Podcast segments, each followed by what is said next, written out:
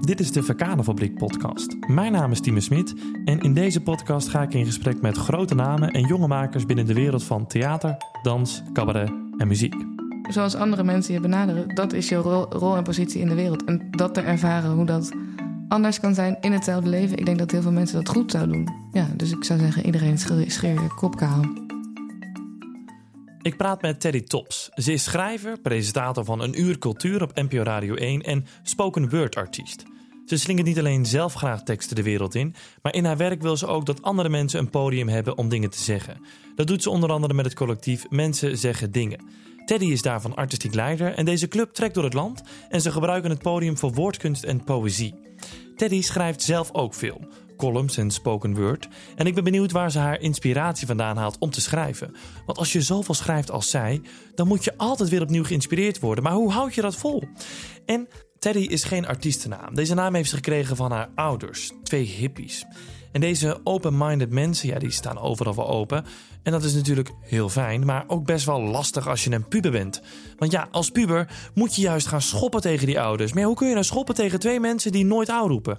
En ze blijft doorschoppen. Twee jaar geleden knipte ze haar haren af. En ja, voor haar was dit een volstrekt logische beslissing. Maar voor de mensen om haar heen ja, riepen toch wat vragen op. Dit en meer hoor je in mijn gesprek met Teddy Tops. Ja, leuk dat je er bent. Ja, hallo Tim. En uh, we zitten hier in het huis in Utrecht. En het is een ontwikkelplek voor makers. Het is uh, fijn dat we hier mogen zitten ook. Jij kent dit huis, deze plek ook goed, toch? Ja, ik heb hier uh, ooit toen ik, bij, toen ik programmamaker bij We Are Public was... toen zat, had ik hier kantoor. En nu zitten we helemaal in de nok in het, in het in een gek hoekje. Ja, ik zei een soort zolderkamertje Ja. zitten we. Hè? We Ja. zitten onder een dakraam. Het voelt ook een beetje alsof ik bijna op jou op de slaapkamer ben of zo van vroeger. Of Nou, jij bij mij, je weet ja. het niet. Intiem. Intiem, Er staat heel groot defect op een deur. Ik weet geen idee wat erachter zit, maar het, is, het is stuk. Er is iets stuk hier. We zitten onder de zolderraam. Maar eh, we gaan even praten met elkaar. Leuk. En ik ging jou natuurlijk opzoeken van tevoren, even wat inlezen. En toen zag ik op de Schrijverscentrale, een site, zag ik jouw thema staan. Oh, leuk. Ja, het stond echt keurig op een rijtje. Toen dacht ik, nou, hoe heerlijk is dat? Je moet er een beetje, handig. ja, moet er iemand een beetje vatten ook. Dus nou, dat, dat staat hier gewoon op een rijtje. Burgerschap, diversiteit, duurzaamheid, Europa, feminisme, gender, identiteit, LHBTI, mensenrechten, politiek en seksualiteit. Om er maar een paar te noemen. Ja. Nou, kom maar eens even door. En als ik dan even die dingen zo opnoem, welke springt er dan voor jou uit? Ja, Europa. Maar meer omdat ik denk, waarom staat Europa hier tussen? Waarom Ja. is dat een item voor mij? Ja, omdat je dus mee hebt gewerkt aan het boek Searching Europe natuurlijk, precies, toch? dat is het. Ja, Wat ja. was dat ook alweer voor boek? Op zoek naar, naar Europa. Ja, dat was een project van, eh van als de Man ehm, en zijn organisatie. Eh, ja, god, wat was dat? Het wa- het waren allemaal. Het is echt lang geleden, dit boek. Hoe lang geleden hebben we het dan over? Ja, ik ben ook heel slecht in, in tijd chronologisch ervaren. Eh, ja, dit is meer dan, meer dan tien jaar geleden. Oh ja. Dus daar houdt mijn eh, herinnering wel een beetje. Tenminste, ik weet gewoon, ik heb, me, ik heb dat geschreven. Er waren allemaal hele slimme mensen die allemaal op zoek gingen naar hoe. Het waren ook allemaal kunstenaars, natuurlijk met een kunstenaarsblik. Kijken naar hoe, voor- hoe geef je zoiets vorm? Wat is, een, wat is Europa? Nou goed. Wat is Europa in een kunstenaarsblik? Ja, Zo, heb je een antwoord kunnen vinden? Of ja, zo. als ik het heb gevonden, dan ben ik het vergeten. Oké, ik moet wel zeggen, ik vond het een van de meest, ja, hoe zeg je het, stoffige of meest ja, la- lastige onderwerpen. Terwijl die andere, die, die zie ik nu meer bij jou terug. Identiteit, Zeker. LHBTI, eh, Ja. seksualiteit. Ja. Klopt dat? Ja, dat denk ik wel. Ik denk dat, Europa een beetje, dat ik Europa een beetje los heb gelaten in de loop der jaren, precies. Nou, hoewel het wel een hartstikke interessant onderwerp is, gezien de huidige politieke stand van eh, zaken. Het mag Natuurlijk. nog staan op het lijstje. Nou ja, als, het, als iemand het er echt over wil hebben, dan sta ik daarvoor open. Oké, heel goed. Maar als we even inzoomen op die andere onderwerpen. Ehm, wie, eh, welk onderwerp... waar hou je je nu mee bezig eigenlijk met, met schrijven? Want je schrijft natuurlijk zelf. Je Ja. zorgt dat mensen die schrijven eh, dat ook weer kunnen vertellen. Bij mensen zeggen dingen. Wa- Waar schrijf je nou zelf graag over? Ja, ik denk dat eigenlijk ehm, vind ik het, ik vind, heb het altijd al leuker gevonden om andere mensen een, een plek te geven om hun stem te laten horen. Eh, en om een soort van space te creëren waarbij eh, publiek en maker elkaar ontmoeten. In plaats van dat zelf die maker te moeten zijn de hele tijd. Dus ik vind het leuker om, om te bedenken van, oh ja, als we, deze, eh, als we dit geluid hebben, wat hebben we dan nog meer nodig? Hoe kunnen we ervoor zorgen dat bepaalde dingen overkomen bij bepaald publiek? Ehm, wat horen we nu nog te weinig? Eh, waar, weet je wel, dat, dat, en dat zoek ik liever bij anderen dan dat ik dat zelf ga bedenken. Want er zijn heel veel mensen die daar super goed in zijn en ik niet altijd. Nee. Maar als ik het zelf, als ik zelf schrijf, ik schrijf natuurlijk ook eh, mijn eigen teksten voor de radio. eh, dan, dan heeft het meestal wel gewoon iets te maken met de stand van de wereld. Of wat ik nu om me heen zie gebeuren. Of waarvan ik denk, eh, Jezus, wa- waarom houden we ons hiermee... Weet je wel, dat zijn meestal gewoon dingen waar ik me kwaad om maak. Ja, waar jij je kwaad op kan maken. Ja, of waar je juist heel erg vrolijk van wordt, omdat... Ja, bijvoorbeeld in, eh, eh, in Utrecht gaan ze nu... eh, je hebt toch die, die ja, hoe noemen ze dat? Uh, eh, architectuur. Dus eh, ze hebben van die eh, tussenschotjes op eh, parkbankjes gezet... Waar, ze- waardoor Ah, waardoor je niet meer kunt slapen op zo'n ja, parkbankje. waardoor net Ja. mensen die, eh, die dak- en thuisloos zijn... niet meer kunnen slapen op, op parkbankjes. Eh, en ze hebben ook eh, bankjes weggehaald bij Den Haag Centraal... omdat daar eh, overlast veroorzaakt werd. Waardoor dus niemand meer kan zitten. Dus als jij slechter been bent of zwanger of I don't know... dan kun je daar ook niet zitten. En daar maak jij je dan druk over? Ja, dan denk ik, jezus, maar dus nu in Utrecht gaan ze dat dus terugdraaien. Oh, Nou, dat vind ik fantastisch. oh Ja. dat is goed. Ik Ja. dacht, we gaan de kant op dat het... Nee, oké. Nou, is- iedereen, ja, dus we gaan één kant op, maar Utrecht heeft bedacht...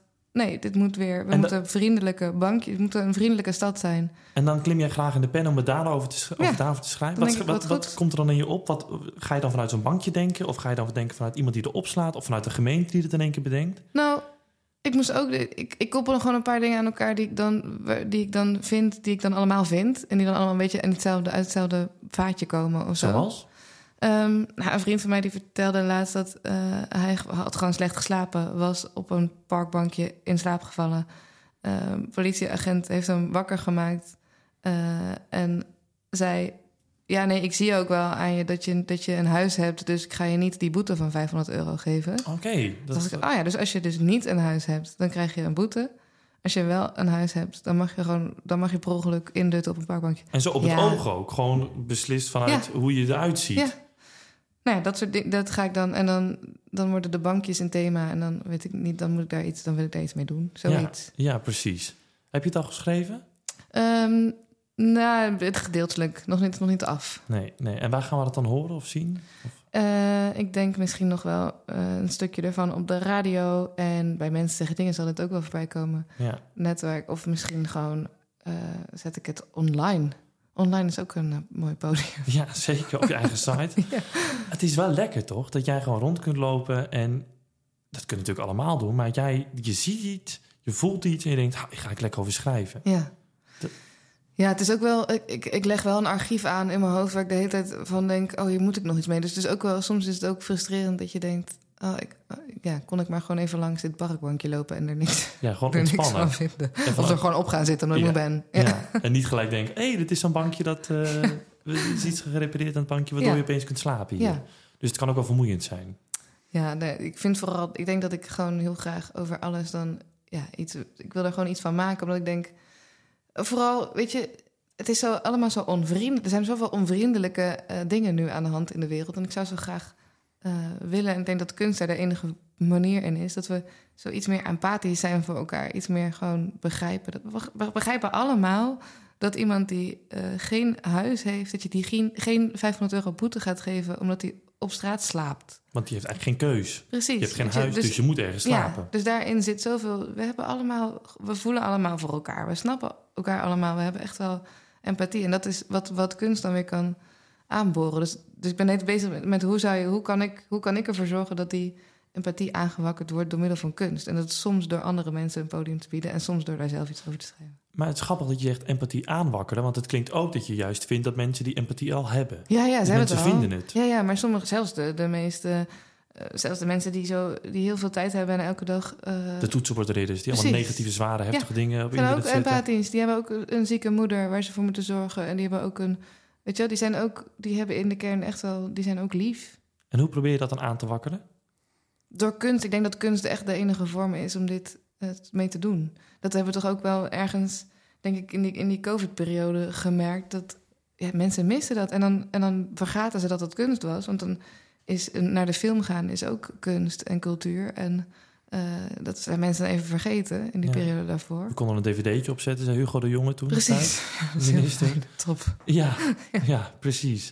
Maar dan moest je weer voor jezelf opkomen. Maar ja, oké. Grappig dat je dat, dat, dat, dat je dus wel, je, je ziet die empathie wel bij mensen. Het komt niet altijd naar voren, maar door kunst komt het in ieder geval wel, wordt het naar boven gehaald. Ja, en kun je het delen ook. Maar als je het live meemaakt ook nog eens. Dat is wat, wat theater en, en dans en eh, muziek natuurlijk. Muziek bij uitstek, daar hoef je het niet eens te kunnen verstaan. En bij dans ook. Je hebt een gezamenlijke ervaring. Je deelt dan op dat moment die ervaring met dat hele publiek. En Ja. als je het erover gaat hebben, daarna ook nog eens dan nog met veel meer mensen. Precies. Alleen goed, jij zit natuurlijk volop in die wereld. Alleen, het lijkt me altijd best wel lastig, omdat je er altijd soort van moet vechten de hele tijd. Hè? Dat zagen we dus ook in de coronacrisis. Het Ja. eerste wat eigenlijk wegviel. eh, en sowieso met subsidies ook, dat het best wel lastig is. Heel veel weg eh, teruggeschroefd. Is dat niet gewoon pittig? Hoe zie je dat bij de mensen om je heen en hoe merk je het zelf?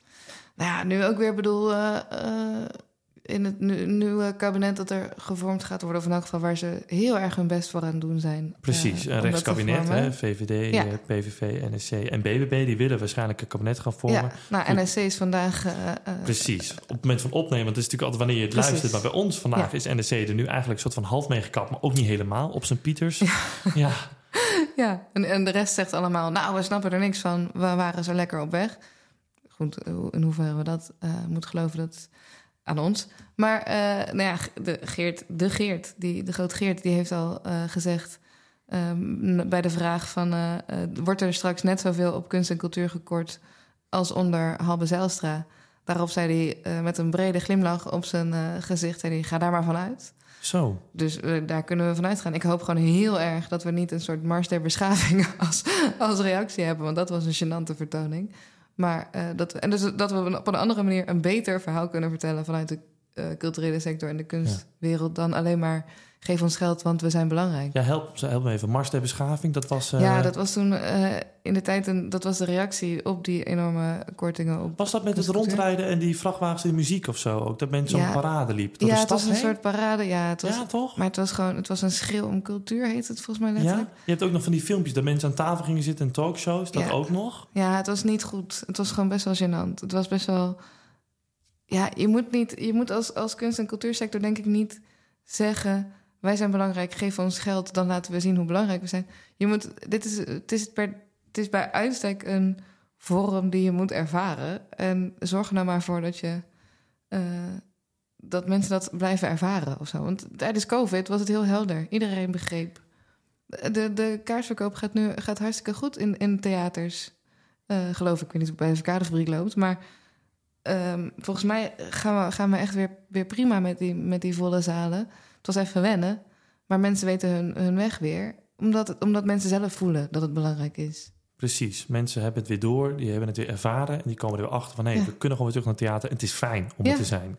We delen Ja. deze ervaringen en we delen deze liefde voor, voor, voor verwondering. Voor een vreselijk woord. Maar het is, het is zo, ja. Bij jou zat het er al vroeg in, toch? Die liefde voor, voor, ja, voor kunst. ja. En begon volgens mij bij jou vanuit hip-hop, toch? Daar luister je graag naar. Is dat echt, eh, denk je, een van de eerste kunstvormen die je bent gaan luisteren en gaan waarderen? Ja, ik ben dus ik ben boven de eh platenzaak van mijn vader geboren. De LP in de Vuchterstraat in Ja. Den Bosch. Eh, en ja, dus... Ja, muziek weet je mee Ja. opgevoed. Je, je, je zat boven een platenzaak, dus je hoorde niks anders dan muziek de hele dag. toch? precies. En er, waren, er was live muziek en er, was, er waren plaatjes, werden gedraaid. Er zaten van die mannen met, met lange haren aan, de, aan de toonbank. Want het was ook een soort van barretje met van die grote kristallen asbakken... waar ze dan zo hun checkies in aftikten. tikten. En dan liep kleine Teddy dan tussendoor. ja, ja. En eh, ben je toen zelf ook al een beetje muzieksmaak daar gaan ontwikkelen in die eigen... Muzieksmaak en, en rooksmaak ook wel. ja, Liefde voor tabak is zat er ook vroeg in. liefde voor Nou ja. tabak en voor muziek, ja. Ja, nee, voor muziek ook zeker. Ja, goed, ik was natuurlijk ook, ik zeg geboren, maar je begint natuurlijk altijd met Dikkertje Dap en met Kinderen voor Kinderen. En, eh, ja. eh, en, en de Spice Girls helaas Maar van goed, ik kan me voorstellen als... eh, oh, je vader vond dat vervelend dat je naar de Spice Girls toe ging? Nou, hij vond het wel problematisch, want in die tijd was het ineens heel erg aan de hand dat, dat die meidengroepen gevormd werden vanuit een commercieel oogpunt. En dat was natuurlijk, dat was anti-muziek eigenlijk. Ja, dat vond hij zijn commercieel ogen, natuurlijk. ja. ja. Maar ja, ik had geen idee. Ik wilde graag Pepsi drinken, mocht ik niet. Maar daar kreeg je wel zo'n cd bij. Ik dacht, verboden vrucht, Ja. toch, als kind? Ja, want ik hoorde ook eh, jou in een ander interview zeggen dat jij je ging afzetten tegen je ouders. Ja, Alleen, je ouders klinken best wel als wat, ja, wat, wat andere ouders dan normale ouders. Niet, Ja. Iets diver, eh, hoe zeg je dat, open-minded. Want ja, ze hebben een platenzaak en ze luisteren andere soorten muziek. Ja, Eh, is dat hippies. zo? Be- Ja, hippies? ja het waren wel... Ik heet Teddy. Ja, Teddy precies. Tops. Dus Ja. daar, kom je niet, daar kom je niet op als je niet een Nee, beetje dus het waren echt op en top hippies. Ja. En toch probeerde jij je dan af te zetten. Je ging Ja. Spice Girls luisteren. Was dat dan een manier om je af te zetten? Je denkt, ik ga zo commercieel mogelijk. En de normale kinderen die dus hè, geen hippie ouders Ja. hebben... die gingen dan juist eh, muziek van je vader draaien. Ja, precies. Nee, nee ik denk, ehm, ik denk niet dat Spice Girls... Dat was niet echt een bewuste keuze ook, hoor. Ik was toen echt nog... Dat was echt, ik was echt jong. Ik heb nu al vaker Spice Girls gezegd... dan dat ik het heb gedraaid, denk ik, in mijn leven. Oh, is dat even uit de lucht, helder. Dat uit de Maar- wereld. Maar ik ben wel... Ik ben, mijn, mijn eerste concert ooit was met eh, mijn vader. Toen gingen we naar Eminem in de arena, Amsterdam Arena. Ja. Ehm, dus nee, ja, ze hebben me eigenlijk altijd wel... eh, ze hebben mij altijd gesupport. Alleen ik wilde niet altijd gesupport worden, denk ik ook. En hoe, doe, hoe, hoe zorg je ervoor dan? Want ja, het is, toch, het is heel fijn dat ze je supporten. Dus Ja. ja, dan moet je iets doen waar ze je dus niet in supporten. Nou, ik was niet een hele makkelijke puber. Ik heb, eh, eh, ik heb wel mijn randjes opgezocht. Ik heb altijd wel gebalanceerd op dat randje. Ik ben er nooit overheen gekukkeld. Ehm, Wat was dat randje? ja, feesten, eh, drugs, g- weglopen, wegblijven. Hoe lang wegblijven dan? Ja, ik denk dat ze nog steeds verwachten dat ik thuis kom. Nee, maar je bleef- inmiddels 34. Ja, precies. Maar je bleef gewoon een paar dagen van huis weg en was je lekker aan het feesten. Ja, ja, en ehm, nou ja, ik denk dat. En school niet afmaken. Ik heb eh, iets van negen opleidingen gedaan, geen enkele studie afgemaakt. Ik kan alles een beetje. Ehm, ik vond ook alles wel interessant, maar niet interessant genoeg. Eh, ik heb wel een paar dingen afgemaakt, maar dat is meer per ongeluk. Dan, dan kwam ik zo achteraf van, oh, volgens mij heb ik, als ik dit Oh. nog inlever, dan. Dan heb ik opeens een diploma in Ja. de pocket. En wat was dat dan? Ja, ehm, wil je alle opleidingen of wil je nee, alleen nee, wat van ik... diegene die je afgerond hebt. Ehm, ik heb journalistiek, heb ik... eh, nou, nee, of politicologie. Ja, ik zag dat je journalistiek en politicologie, had gestudeerd. Dus ja, maar ik heb als je dat, die, twee staan, dan zou het kunnen dat je die twee misschien Ja, afgerond. Dat denk ik. En de, overige zeven... ja, de rest heb het, ik eh, niet. Nee, Nooit gehaald. nee, precies. Nou, waarvan akte. Maar het, zijn nog steeds, het klinkt nog steeds voor mij als ik denk, ja... Hippie ouders, ja, Ja, die maken die zich misschien wat, begrijpen min, dit. ja, die maken zich wat minder druk om kinderen Nou, die even weglopen. Nee, ja, ik kan ze opzoeken. Ik woon zelf in Den Bosch. Oh ja. Ja, Nou, ja, ik weet het niet. Ik denk... eh, ehm, ja, ik denk dat je altijd wel toch... In, in een bepaalde periode in je leven spreek je gewoon niet meer dezelfde taal of zo. En ik moet zeggen, eh, ik heb niet altijd... Mijn vader die had die platenzaak. Ehm, dat was natuurlijk super vet. Maar ik heb niet altijd heel veel contact met hem gehad. Eh, en met mijn moeder wel. Maar ja, moeder-dochter, dat wringt ook in die periode in, in je leven. Dus dat- ik denk dat dat het ook was. Ik denk dat het gewoon meer... Dat het hippies waren. Ze- Volgens mij begrepen ze alles wel. En volgens mij is er niks dat, ze, dat, hen echt, dat echt aan hen voorbij is gegaan. Of dat ze hebben afgekeurd of zo. Nee. Maar dat het meer is, je moet je losmaken op een gegeven moment. En, en en jij ging je dan letterlijk losmaken door hen Ja. gewoon minder op te zoeken en minder bij hen te zijn. ja, En maar je zegt wel mooi, je, jullie spraken niet meer dezelfde taal. Terwijl taal is natuurlijk ontzettend belangrijk voor jou. ja. Hoe Ja. was dat dan om in één keer er achter te komen van ja, ze zijn wel hip en ze snappen mijn open-minded gedachten misschien ook wel, maar toch wringt het ergens. Nou, ik denk dat het ook wel een generatieding is. In de zin van, ik denk altijd dat je... ehm, je bent altijd met een andere strijd bezig. Eh, en, of de strijd verlegt op een, op een manier. En eh, je moet altijd dankbaar zijn voor de, de strijden die al gestreden zijn. Eh, en, en tegelijkertijd niet te veel achteruit kijken en, en doorgaan met... oké, wat is dan mijn pad? Of wat, wat vind ik dan belangrijk? Maar ik denk dat mijn, mijn eh, oma's en mijn moeder en mijn vader... hebben allemaal ergens voor gestaan. Die hebben allemaal het gevoel gehad van... ik moet dit, dit is belangrijk voor mij en voor de wereld... En, en hier moet ik iets mee als mens. Ehm, maar dat is voor mij natuurlijk net iets anders weer geweest. Ja, en waar sta jij voor? Europa. Heel goed, dat wilde ik horen. Kijk, daar heb ik heel veel over opgezocht. Dus die wil ik graag horen. Je staat voor Europa. Ik weet er niks Nee. meer van. Ik kan niks van het boek herinneren, maar je staat er nog steeds voor. Ja, nee, ehm, waar sta ik voor? Ik denk, nou, ik denk gewoon wel dat die, dat, dat parkbankje, dat, dat menselijke of zo, daar sta ik voor. En ik denk, ehm, eh, voor, nu ook dat rapport van, van Rijn uit is. Over de media, de misstanden in de media, dat mensen, eh, redacteuren in ieder geval werden eh, ja, bespuugd en uitgescholden. Ja. En dat ze niet met de goede ideeën zouden aankomen voor programma's. Hè? Een beetje daar, eigenlijk over de, de wancultuur op het mediapark. Ja, dat is en, even eh, precies. platgeslagen wat het is. Ja, grensoverschrijdend gedrag. eh, Seksueel grensoverschrijdend gedrag, eigenlijk op allerlei vormen. En als je er niet zelf last van hebt, dan kun je er last van hebben dat het in je omgeving gebeurt. Ja, ja en, en eh, eh, het recht van, van vrouwen op, op, dat, op heel veel plekken waarvan ik denk, ah, dat is nog steeds. We doen allemaal maar alsof we, stappen er net overheen. Maar er zijn nog zoveel dingen die echt niet kloppen in deze tijd. Ehm, heel veel vrouwen die echt niet op de juiste posities eh, terechtkomen. Ehm, die, die niet voor vol aangezien worden. Ik bedoel, als ik op de radio een, eh, een, mooi interview heb gehad eh, en dat wordt gedeeld, dan ben ik en blij, want dan denk ik, oh leuk, dat, dat het gesprek krijgt aandacht.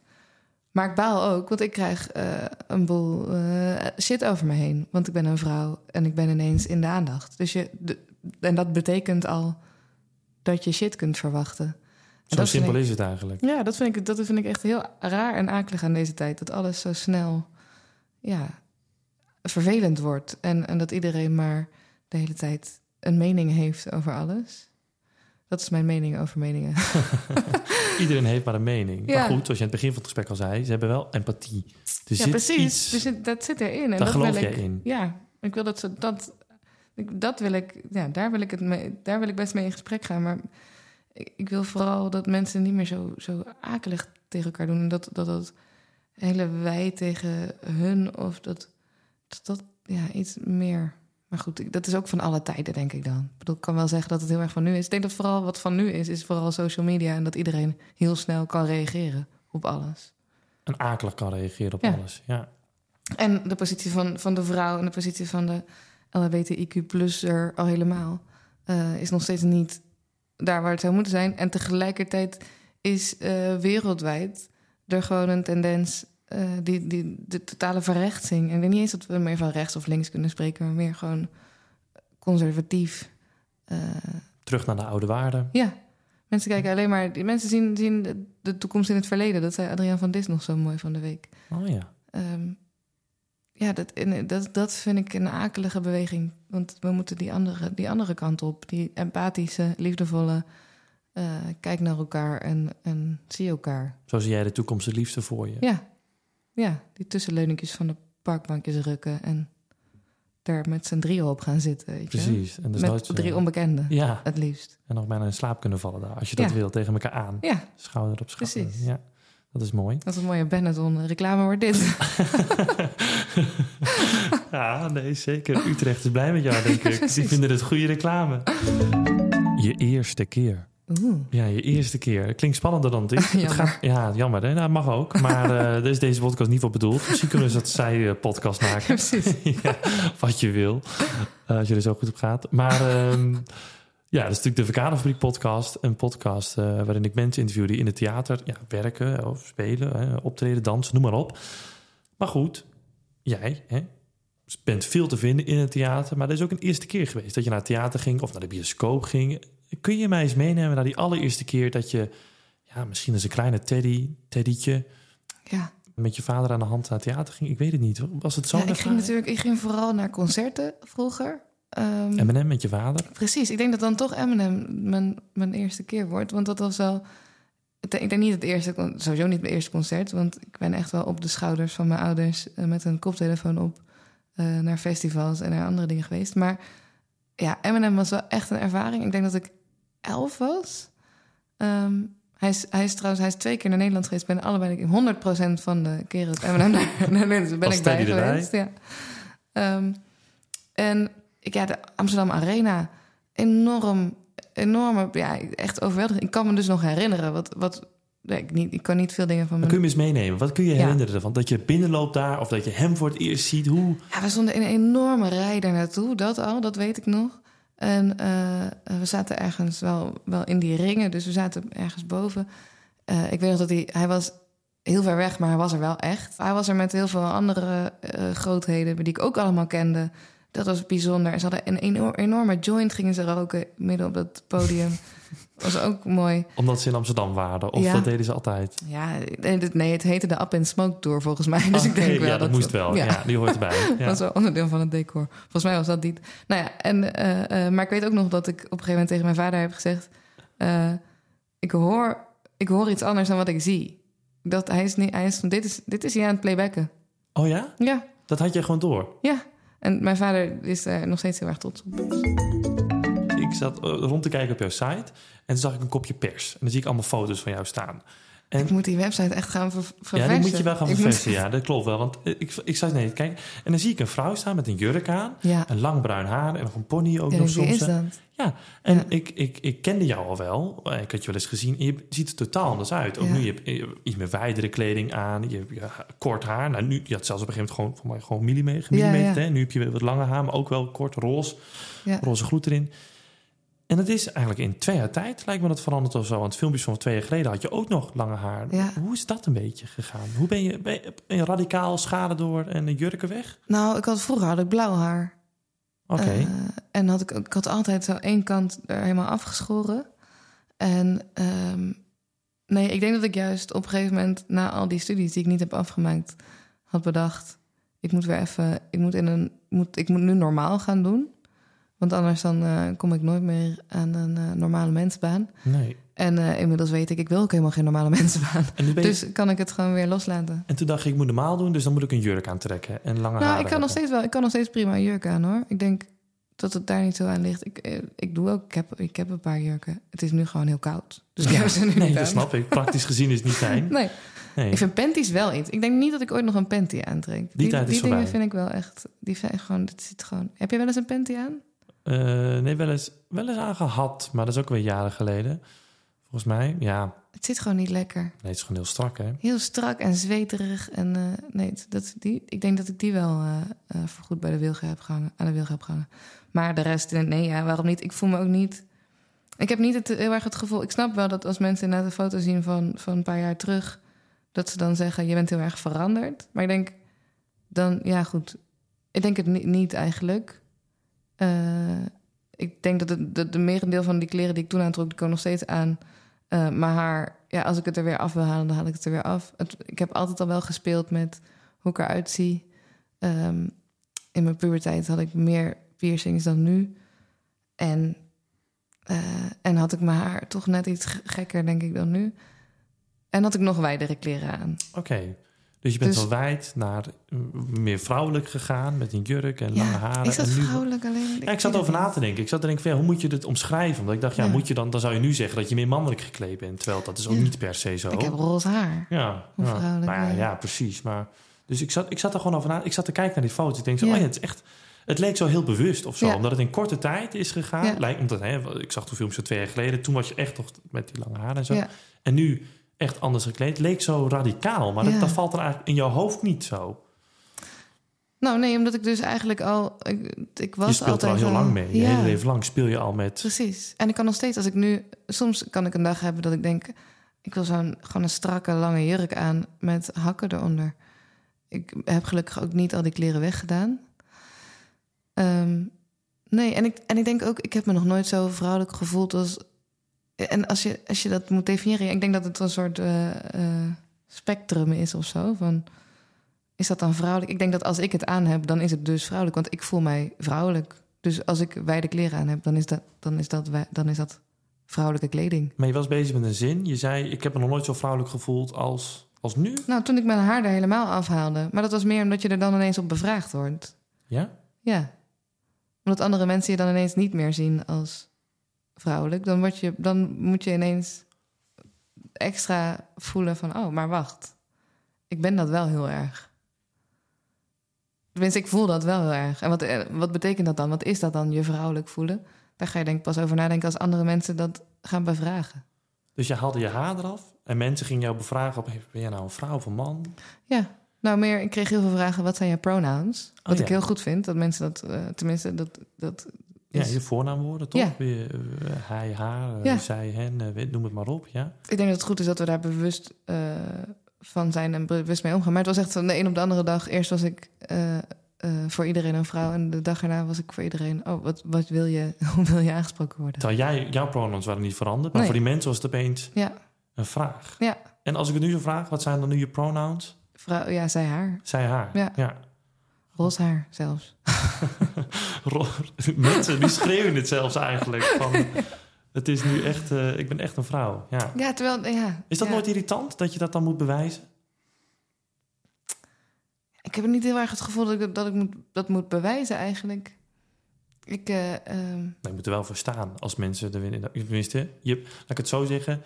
Jij scheert je haar af. Je doet het niet met de intentie van... Hé, ik ben nu eh, hen of ik ben nu man. Nee, het is gewoon, je bent nog steeds wie je bent. Alleen gewoon met gemillimeterd Ja. kapsel. ja, Alleen andere mensen die vinden er opeens wat van. ja, Daar moet je dan voor gaan staan. Terwijl je hebt niet de keuze gemaakt om ergens voor te staan. nee, precies.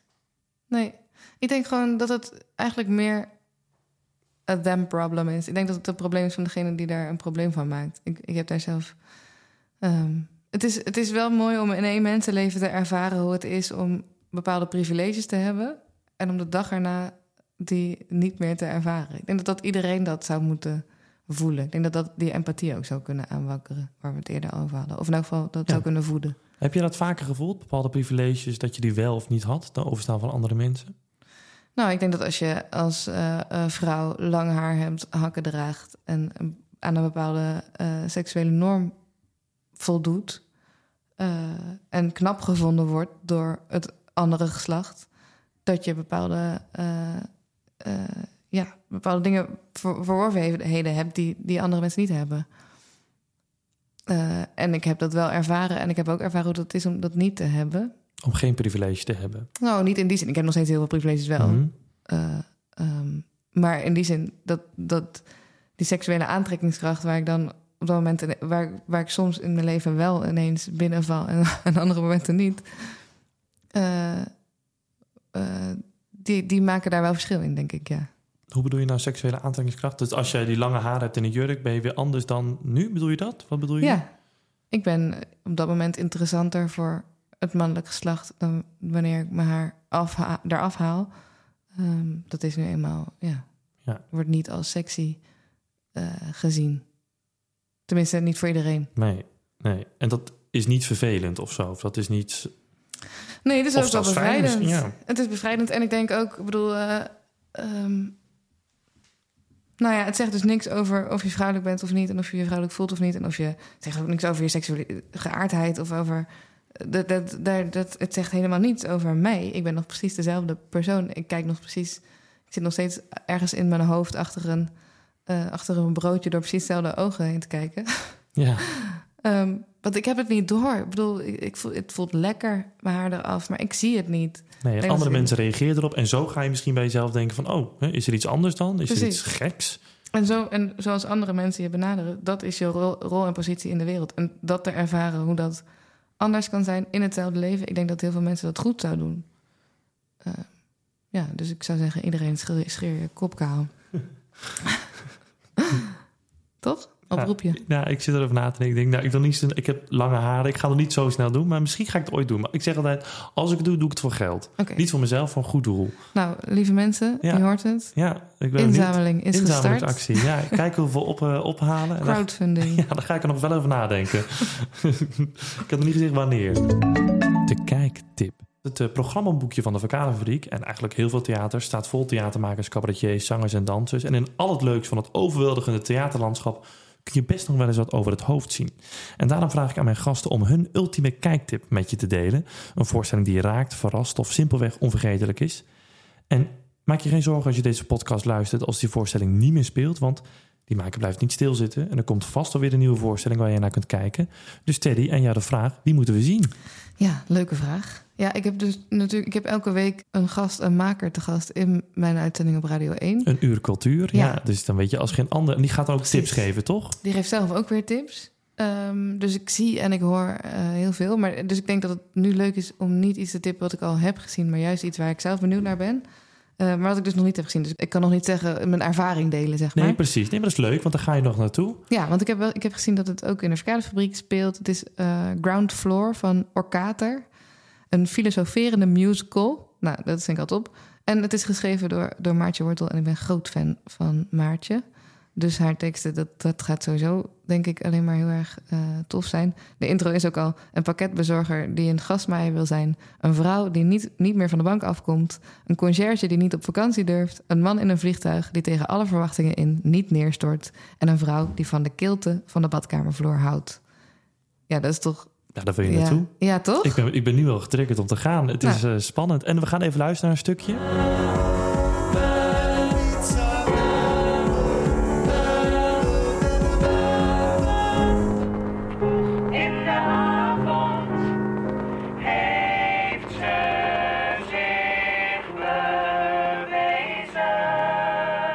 Het is, een, uh, het is echt een musical. Ja. Er wordt uh, lekker in gezongen.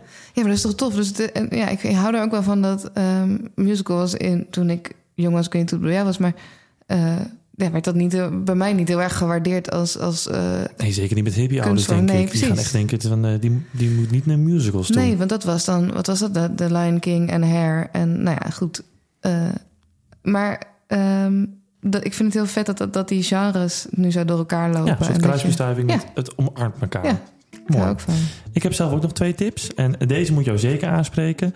Normaal is alles wat je in de verkaderfabriek ziet gekozen door een programmeur. Maar bij Tapschrift werkt dat net even anders. Tapschrift is een open podium voor het gesproken woord. En dat open podium is ook heel erg open. Want iedereen mag zich aanmelden. En het is heel laagdrempelig via een berichtje op Instagram... die je dan stuurt naar tapschrift den bos. En dan mag je schitteren voor het publiek in een vorm die jou het beste past. Experimenteel, cabaret, verzin het maar. Maar goed, als je niet zelf wil optreden... dan kun je er ook heen als publiek. En dat kan deze maand op uh, dinsdag 26 maart om 8 uur. Het is gratis, maar je moet wel even een kaartje reserveren. En het is elke maand te zien. Ik zag een paar maanden vooruit. Dus uh, als je nu deze maand niet kan, dan kun je vast wel een andere keer. Heel leuk. En een andere voorstelling, dat is een stel mannenpingwings. En uh, dat gaat eigenlijk over die vraag... wat als een kind aan tafel wordt gemaakt en niet in bed? Dat komt van het gezelschap Theaterbolwerk Punch... En wat bijzonder is in dit gezelschap, zij spelen niet teksten van ja, Shakespeare, Beckett of Chekhov. Nee, zij kiezen altijd voor nieuwe Nederlandse schrijvers. En de voorstellingen gaan over thema's die ook nu actueel zijn. En in de voorstelling Een Stijl Mannenpingwing zie je vier personages die ieder een totaal eigen kijk hebben op ouderschap, identiteit en überhaupt het leven. En wat als wij uit elkaar gaan? Is het kind dan op maandag en dinsdag bij mij, op woensdag en donderdag bij Freek, op vrijdag en zaterdag bij jou en je nieuwe partner en op zondag gaat het kind rond als een wisseltrof? Wat ik met dit stuk graag wilde doen was uh, eigenlijk rollen schrijven die nou ja, anders zijn dan de rollen misschien die je kent. Ik kan er nog heel veel over vertellen. Ga ik niet doen, want je moet het gewoon gaan, gaan, zien. Je moet er gewoon heen gaan. Ja. En tof dus dat het dus een, uh, een, een, nieuwe Nederlandse schrijver is. En extra leuk, het is te zien op vrijdag 29 maart om half negen. En de afloop is er een nagesprek met de schrijver. En ook degene die erbij zit is de oprichter van het theatergezelschap. Dus kun je gelijk al je vragen stellen. Als je denkt van, hé, hey, waarom koos je hiervoor? Of waarom stond dat erin? Of denk hier eens aan. Ja, kun je natuurlijk ook gewoon zeggen. Ja, je kunt gelijk gaan roepen allemaal de afloop. Dus ga daarheen. Een stel mannenpingwings. Ja, je schrijft al je hele leven lang. Maar je gaat nu ook voor het eerst een debuutroman uitbrengen. Voor het eerst een debuut. Dat vind ik wel eens mooi gezegd ook wel. Voor het eerst een debuutroman. Toen ik het zei, dacht ik, wacht even. Dat is heel maar mooi. je gaat, uh, ja, je gaat, ja, je gaat wel voor het eerst doen. Ja, ik ben, Ja. Wel, ik ben al wel bezig hoor. Het is niet... Um, Al ja. een paar jaar, toch? Ja, wel. Ja. is, het, uh, is het lastig? Is het pittig? Nou, er zijn gewoon zoveel andere leuke dingen ook de hele tijd op mijn pad. En uh, uh, ja, het is, en het is pittig om in hetzelfde verhaal te blijven geloven. Um, nu moet ik zeggen dat dat me wel lukt. Uh, ik, blijf wel, ik blijf er wel door geïnteresseerd en het blijft ook wel plakken. Maar het is heel anders dan hoe ik normaal hoe ik gewend ben te schrijven. Want ik ben gewend te schrijven columns bijvoorbeeld. Um, ja, ik schrijf ze vandaag en morgen staan ze online en ze zijn nu relevant, maar volgende week niet meer. En dat, is, dat vind ik fijn. Ik vind het prettig. Ik, ik, wil ook niet zo heel graag teksten van vijf jaar geleden teruglezen. Want dan denk ik, ja, dat is niet meer relevant, want het was toen aan de hand. Um, dus ik schrijf veel liever nu over nu. Dan dat ik uh, een hele lange adem heb in mijn. Dat is gewoon niet. Dat is normaal niet mijn stijl. Heb Maar je, kun ja. je een tipje oplichten van, uh, of sluier oplichten van waar het een beetje over gaat, je? Is, wat voor een hoofdpersoon hebben we het mee te maken? Ik wil het gewoon heel graag hebben over um, dat we niet nu met, met, met de kennis van nu kunnen kijken naar het verleden en, en zeggen: Oh, hadden ze maar dit gedaan of hadden ze maar toen die keuzes gemaakt? Of hadden ze maar, hadden ze maar net zoveel vrijheid ge- gehad als dat wij hebben? Dus eh, als ik bijvoorbeeld naar mijn, eh, eh, naar mijn twee oma's kijk, dan kan ik zeggen: Oh, hadden jullie maar de, de keus gehad om wel of niet voor dit pad te kiezen? Ja. Maar ze hadden die keus niet. Dus ik kan, ik kan niet zeggen. Hadden jullie maar, dan was je leven heel anders geweest. Weet ik niet. Met de kennis van nu kun je. Dat, dat, dus ik, net zo goed als dat wij nu. Wij zitten hier nu. eh, jij werkt ook waarschijnlijk eh, jezelf eh, helemaal een slag in de ronde. Want we zijn jong, we zijn ambitieus. Misschien over twee generaties. Of eh, kijken ze wel naar ons en zeggen ze: Jezus, Hadden ze maar. ja, je, oh, hadden ze geweten dat ze niet zo hard hadden hoeven werken om, weet je wel, dan hadden ze veel meer, hadden ze dit kunnen doen. Ik weet, je weet helemaal niet hoe ze dan op ons terugkijken, want we hebben die keus niet, want we zien. En hoe uitzicht Die dat dan uiteindelijk in een boek? Wat, wat, waar gaat het dan een beetje naartoe? Ehm, nou, ik wil gewoon twee, ik, ik licht twee vrouwen uit eh, het begin vorige eeuw. En die laat ik hun leven doen. En, en ik maak een radicale andere keus voor ze halverwege dat leven. Dus ze ontmoeten niet een man en krijgen geen kinderen. Maar ze, maar ze nemen een heel ander pad die vandaag de dag normaler, normaler, maar die vandaag de dag wel zou kunnen. De vrouw ontmoet een andere vrouw met wie ze... Precies. Ja? Ehm, en, en, en, dus dat, en dus wijzig ik dat pad helemaal van ze. Maar daarmee wil ik alleen maar laten zien dat het hun leven en hun geluk niet per se verandert. En dat het niet, dat het niet iets zegt over. eh, ja, hadden jullie maar. En Want ze- dat werkt niet. En ze kunnen nog steeds ongelukkig zijn. Ook al hebben ze een, een radicaal andere keuze kunnen ja, maken. volgens ons een betere keuze. Want dat is het vooral. Ik denk dat wij zo gewend zijn, vooral in het Westen, om te zeggen... We, zijn, we doen het nu beter dan dat ze het toen deden. Wat natuurlijk gewoon onzin is. Kijk maar naar de wereld. We doen echt helemaal niks beter. Ehm, maar ook, ja, le- leer is gewoon om achteruit te kijken... en te waarderen wat daar gedaan is. En daarvan te leren in plaats van te zeggen... we, doen het nu allemaal beter. Dat is gewoon niet zo. Heb je al een titel? Nee, maar ik dacht misschien kunnen we er nu één verzinnen. Ja. Ja, iets met... Nou, ik zeg altijd... Wij zeggen... Ik zeg altijd achteraf is mooi wonen. Ja, Dus hé, hey, dat zou Nou. een eh, leuke titel kunnen zijn. Want Achteraf daar gaat het eigenlijk wonen. over natuurlijk. Hè? Of een ondertiteltje. Achteraf is mooi wonen. ja geheel dankzij jou dan. Ja, daar moet je gelijk aan denken. Maar eh, ik weet niet. Het klinkt nog niet... Achteraf is mooi wonen. Teddy Tops. Ja, kan. Klinkt als een reisgids of zo. Dat mensen gezegd, ga lekker in Overijssel wonen of Groningen of zo. Ja. neemt je mee door Friesland. Ja, of een soort natuurlijk. makelaarsgids. Ja, kom je even zo'n scootertje aanrijden en dan eh lekker zo'n eh, boekje onder de arm. Van, nou, ik heb nu een prachtig, paar prachtige pandjes voor je. Had je kunnen kopen. Had je kunnen kopen. De koektrommel. Of het nu een hele diepe gedachte is, een inspirerende quote of een prikkelende fantasie, een voorstelling ontstaat in het hoofd van een maker. En iedere maker laat zich hierbij op een andere manier inspireren en voeden. En van het hele proces krijg je als publiek weinig mee, terwijl er heel veel interessants broeit in de gedachten van mijn gasten. En daarom stel ik in elk gesprek de vraag: waarop koude jij tijdens het maken van je voorstelling? Wat was nou dat kleverige koekje dat bleef plakken tussen je tanden en de kern werd van je voorstelling, of die het vuur aanwakkerde om juist hier een stuk over te maken? Nou, Terry, Ja. ja, jij doet eigenlijk ontzettend veel. Het is niet per se één voorstelling waar je mee bezig bent. Je schrijft heel veel. En je nam me net al een beetje mee in jouw gedachten van het schrijven van het boek. Is dat nou iets waar je op koudt? Of heb je nog iets anders waarvan je denkt, ja, dit is iets waar ik nu op kou of heb gekoud? Mm, ja, ik, moet, ik zit dus nu net met dat parkbankje in mijn hoofd. Ik denk dat dat Ja. wel mijn, eh, ook wel een kleverig koekje is. Ja, die blijft steeds plakken. Die komt vaak terug. Ja, precies. Ik denk dat dat wel het kleverigste koekje is op dit moment. Ehm, maar ook, eh, ehm, ook, ook die, dat rapport van de commissie van Rijn... gewoon hoe, eh, hoe vrouwen worden eh, behandeld op, bepaalde, in bepaalde posities.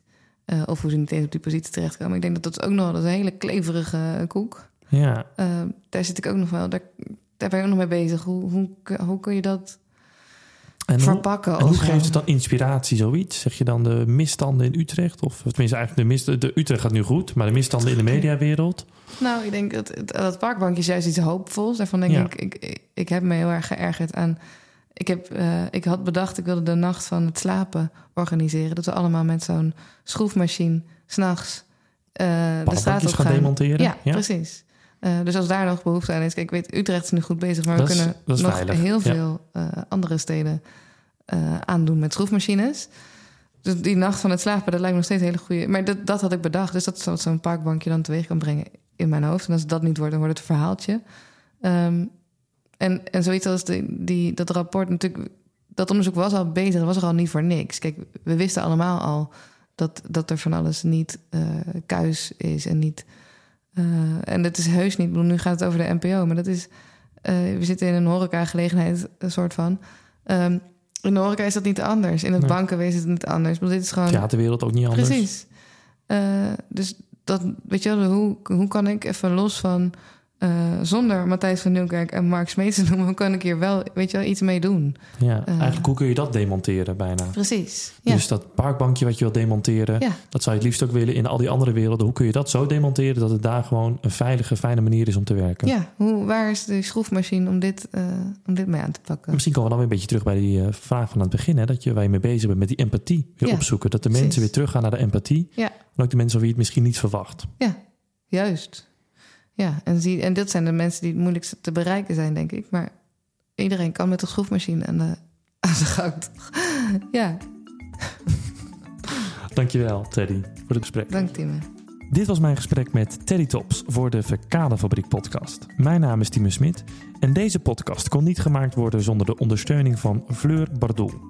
Abonneer je op deze podcast, zodat je als eerste weet dat er een nieuw gesprek online staat. En laat ook een reactie achter met, als je wil, lekker veel sterren. En deel deze podcast met de mensen om je heen. Dankjewel voor het luisteren.